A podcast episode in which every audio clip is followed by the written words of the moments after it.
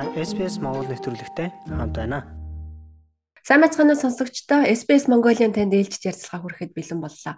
Энэ удаад бид хөл бөмбөгийн дэлхийн аварга шалгаруулах тэмцээнтэй холбоотойгоор ярилцлага бэлдэж байгаа юм. Та бүхэн мэдэж байж магадгүй Сиднейд амьдардаг монголчуудын дунд SBS-ээр хөл бөмбөгийн хөтлөгч тайлбарлагчаар ажиллаж байсан амгалан амьдардаг.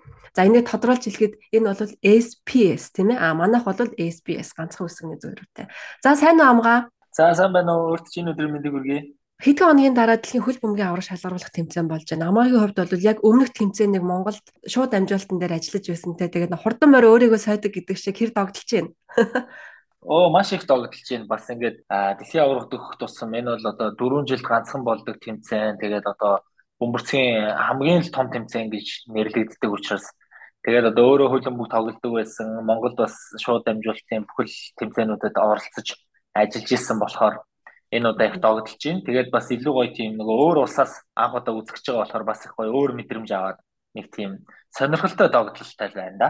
За энэ жилийн тэмцээн их сонирн болох гээд байна. Урд өмнө хизээж болж байгаагүй өвлийн дэлхийн аврах шалгаруулах тэмцээн болох гээд ах энэ яагаад ийм юм болчихоо? Тэгээ энэ 22 дахь удаагийн дэлхийн аврах шалгаруулах тэмцээн одоо 1930 оноос эхлээд зохиогдсон ингээд 22 дахь зохион байгуулагдах чинь. А яагаад өвөл болж байгаа вэ гэхээр зохион байгуулж байгаа улс Катар одоо элсэн цэлийн гэж ярьдаг шүү дээ тий халуун дулаан уур амьсгалтай улс учраас яг одоо нөгөө хөлбөмбөгийн өмнөх аваргууд болдог байсан 6 7 сар зохио эхлээд маш одоо өндөр халуунд тэгээд одоо маш бөгчим газар болох учраас а энийг бол албаар дэлхийн хөлбөмбөгийн холбоо FIFA бол эрхийг нь олохдоо 11 сараас 12 сар тохиромжтой гэдэг байдлаар одоо 5 6 7 жилийн өмнө эрхийг нь өгч исэн.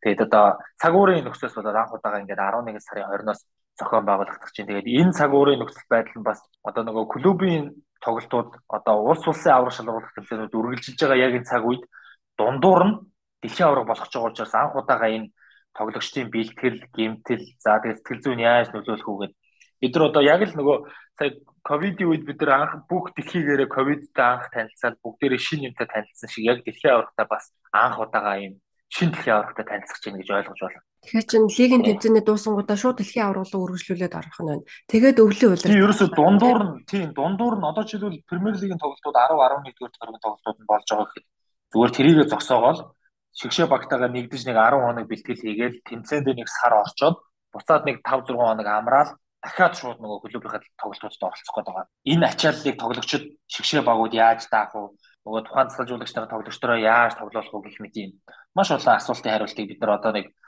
2 7 хоногийн 2 7 хоногийн дараанаас эхлээд баг мэдэж эхлэх юм дээ. Хоёлаа Катарт өвөл байгаа гэдгийг жоохон тодруулж яриа. Өвөл нь мэдээж Монголын өвөл шиг хасах градус руу орохгүй тийм ээ. Хэд орчим градус байх юм болоо чи баримжаалж харсан уу? Тийм ер нь бол нэг 25-аас 30 градус бол тогтмол байх юм байна лээ. Гэхдээ энэ нөгөө Катарт анх дэлхийн аварга шалруулах тэмцээний эрхийг ингээд FIFA өгөхөд Катарт жишээлбэл ганц ч сэнгэлдэх байгаагүй. А үнэхээр одоо санхүүгийн хувьд асар өндөр чадамжтай улс учраас 8 цэнгэлтгийг энэ 5 6 жилийн хугацаанд шинээр бариад энэ цэнгэлтгүүд бүгдээрээ анх удаага одоо fully air conditioned гэж ярьдаг шүү дээ. Одоо бүтэн агаарын одоо урсгал одоо хүүтнэр үлээх ийм зориулттай ийм цэнгэлтэх барьсан. Тэгээд 30 градус тоглогчид халуун тоглогч гэсэн air conditioned ийм тааламжтай нөхцөл байдал тоглоно. Гэхдээ мэдээж нөгөө одоо гадаа халуун дотор ороод ийм сэрүүхэн нөхцөл байдал тоглох учраас энэ нь бас тоглогчдод нөлөөлнө яг нөө яг түрүүний өөрөө чи асуусанчлаа Монголын өвөр шиг одоо хасах 30 градус мэдээж ташкинахгүй тодорхой нэмэх 25 30 градус бүгчм халуунд бол тоглоно. Гэхдээ нэг давуу тал нь аюу мөнгөтэй улсад болж байгаа учраас цэнгэлтийн тийм одоо технологийн шийдэл бол үнэхээр мундаг болсон байгаа. Тэрийг одоо бас дэлхийн нийтээрээ шалгах цаг нь ингээд ирчихэж байгаа гэсэн үг юм. За энэ том челленжтэй дэлхийн аваргад амгаа хөл бөмбөг сонирхогч, хөл бөмбөг тайлбарлагч, мэрэгжлийн хүний хувьд ер нь аль багийг хамгийн их дэмжиж байгаа вэ? Аль баг энэ сорилтыг давж гарч дэлхийн аваргын цомыг атгах чадах болоо юу гэж бодож байна? Одоо бол ингээд өмнө нь одоо нэг 10 15 жилийн өмнө ч юм уу хөл бөмбөгийн шгшээ багуудын дэлхийн аваргын тэмцээн ингээд болоход ерөөсөө нэг төрүүлэх баг гэхэд нэг 3-аас 4 баг л тогтмол яригддаг байлаа. Одоо Бразил, Франц, Герман ч гэдэг юм уу. За одоо ингээд жил ирэх тусам шгшээ багуудын хүч тэмцэрчээд төрүүлэх багийн тоонд бол одоо хамгийн багадаа 6-аас 7 улс тэгээд бүр битүүмөрч төрүүлж магадгүй ийм нөхцөл байдал болох хүрээд ирсэн.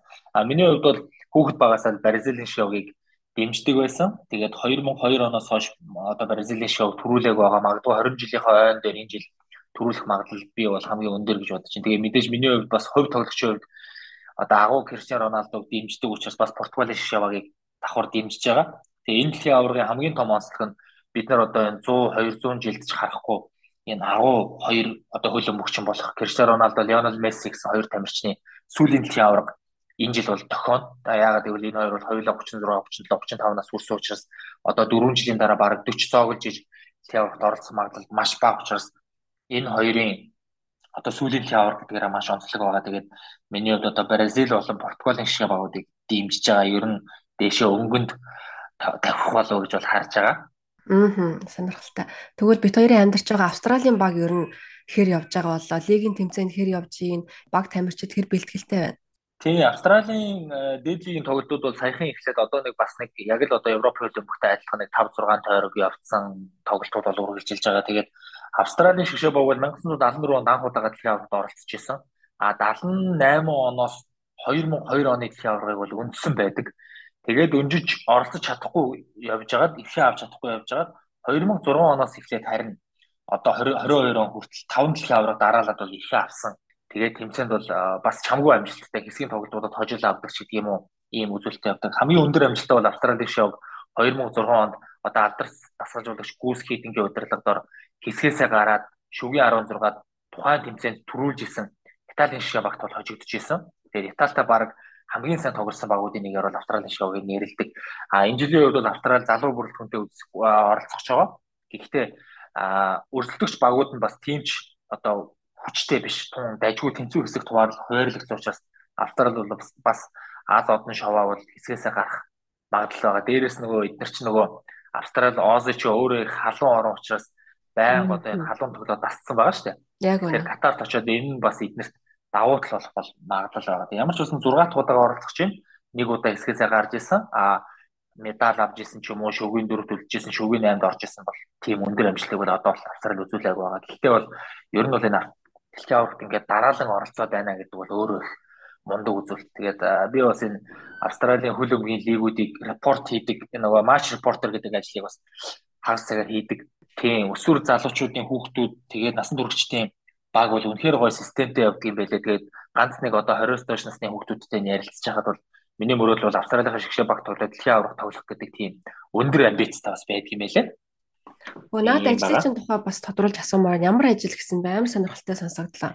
Тийм энд энэ Genius Sports гэдэг хөлөмгийн чиглэлээр үйл ажиллагаа явуулдаг Европ төвтэй компани байдаг. Тэр компани Match Reporter гэдэг ажлыг бол хийдэг. Энэ нь яадаг юм бэ гэхээр Австралийн улирлын одоо дээд лигээс гадна 1 2 3 дугаар лигийн тоглолтуудыг очиж яг газар дээрээс нь яг тоглолтынх нь одоо шууд дамжуултыг энэ одоо э, тодорхой аппликейшн дээр ингээд тоглолтыг одоо энэ баг бөмбөг эзэмшиж энэ баг гол оруулаа гэдэг мэдээллийг шууд одоо дата анализ хэлбэрээр шууд дамжуулдаг ийм репортер хийдэг. Тэгээ энэ нь бас нөхөлийн мөхтэй биш дуртай болохоор хажуугаар нь бас тоглолтуудаа үзчихин орон нутгийн багуудын тоглолтуудыг сонирхож чинь тэгээ дээрэс нь бас тодорхой хэмжээний цалинтайгаар ажиллаа хийдэг нэг юм ажиллаа. Одоохондоо бол нөгөө нэг 1 2 3 дугаар лигийн түр амралтаа авсан. А 12 сараас эхлээд бол шинэ үлрэл эхлэх ийм төлөвтэй байгаа юм. Оо nice. Хоббигоо ажил болгоод цалин аваад амьдрын гэж чинь аз жаргал үү те амгаа.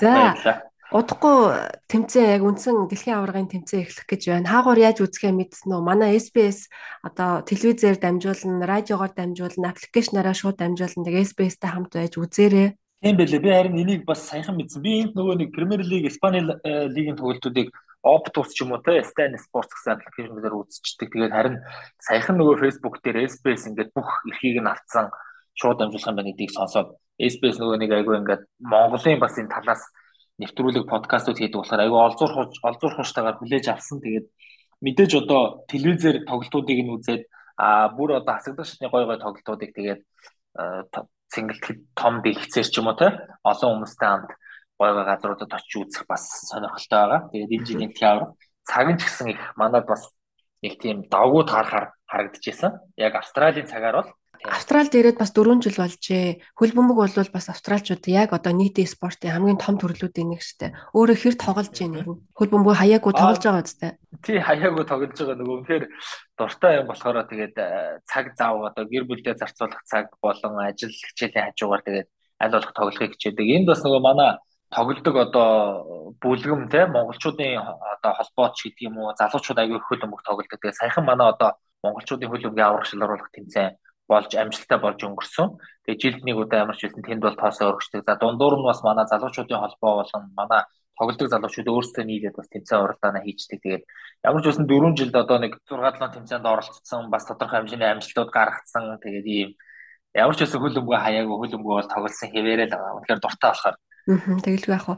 Амгаа бол бас хажуугаар мэрэгжлийн ажлаа орхиогүй өөрөө бас подкаст хийгээд яваад байх шиг байсан. Тэгээд энэ дэлхийн аваргаар цаг үеийн мэдээлэл өөрийнхөө комментуудыг гоё одоо таамаглалуудаа дэвшүүлсэн тийм контент хөтөлбөр хийх төлөвлөгөө байгаа юу? Чамайг дагж байгаа хүмүүс зориулаад. Тий, ямар ч байсан Facebook-ороо дамжуулаад бол аль болох одоо хүмүүстэйгээ ойр байгаад гой гой мэдээлэлүүд постуудаа бол тэгээд цаг цагаараа оруулна. Тэгээд үнэхээр нөгөө заримдаа бол үнэхээр ягаад ч 24 цаг бол амжидаггүй. Тэгээд аль болох амжуулаад бас гой гой мэдээлэлүүдээ оруулаад амжуул бас ганц нэг а тойм байдлаар нэг 5 минутын ч хамаагүй подкаст байдлаар бол бас оролцоод явъя. Дуу хоолойгоо хүргэе гэж бодож байгаа. Тэгээд Яг хөл бөмбөгийн аврах шалгаруулах тэмцээн эхлээд сүүлийн шатны том тэмцээнүүд явахаар хоёул дахиад нэг ярилцлага хийх үү? Тэгээ тэгээ болно. Асуудалгүй. За. За цаг зав гаргасан баярлалаа амгаа. За баярлалаа. Та бүхний амжилт амжилт хүсье урьж оролцуулсанд баярлалаа. За баярлалаа. Сонсогчтой хандаж хэлэхэд SBS-ээр та хөл бөмбөгийг яаж сонсох тухай заавар, яаж үзэх тухай зааварчилгаа бид нар нэвтрүүлгийн тайлбар хэсэгт яг алхам алхмаар нь зааж оруулах болно. Та бүхэн SBS-ээр хөл бөмбөгийн дэлхийн аврах шалгаруулах тэмцээний хөл авч үзэж сонсоорой. За бидэнтэй хамт байсан танд баярлалаа. Баяртай. За баярлалаа. Баяртай. За баяртай. Та SBS Монгол нэвтрүүлэгтэй хамт байна. Бусад сонирхолтой нэвтрүүлгүүдийг SBS.com.cg Mongolian вебсайтаас аваарай.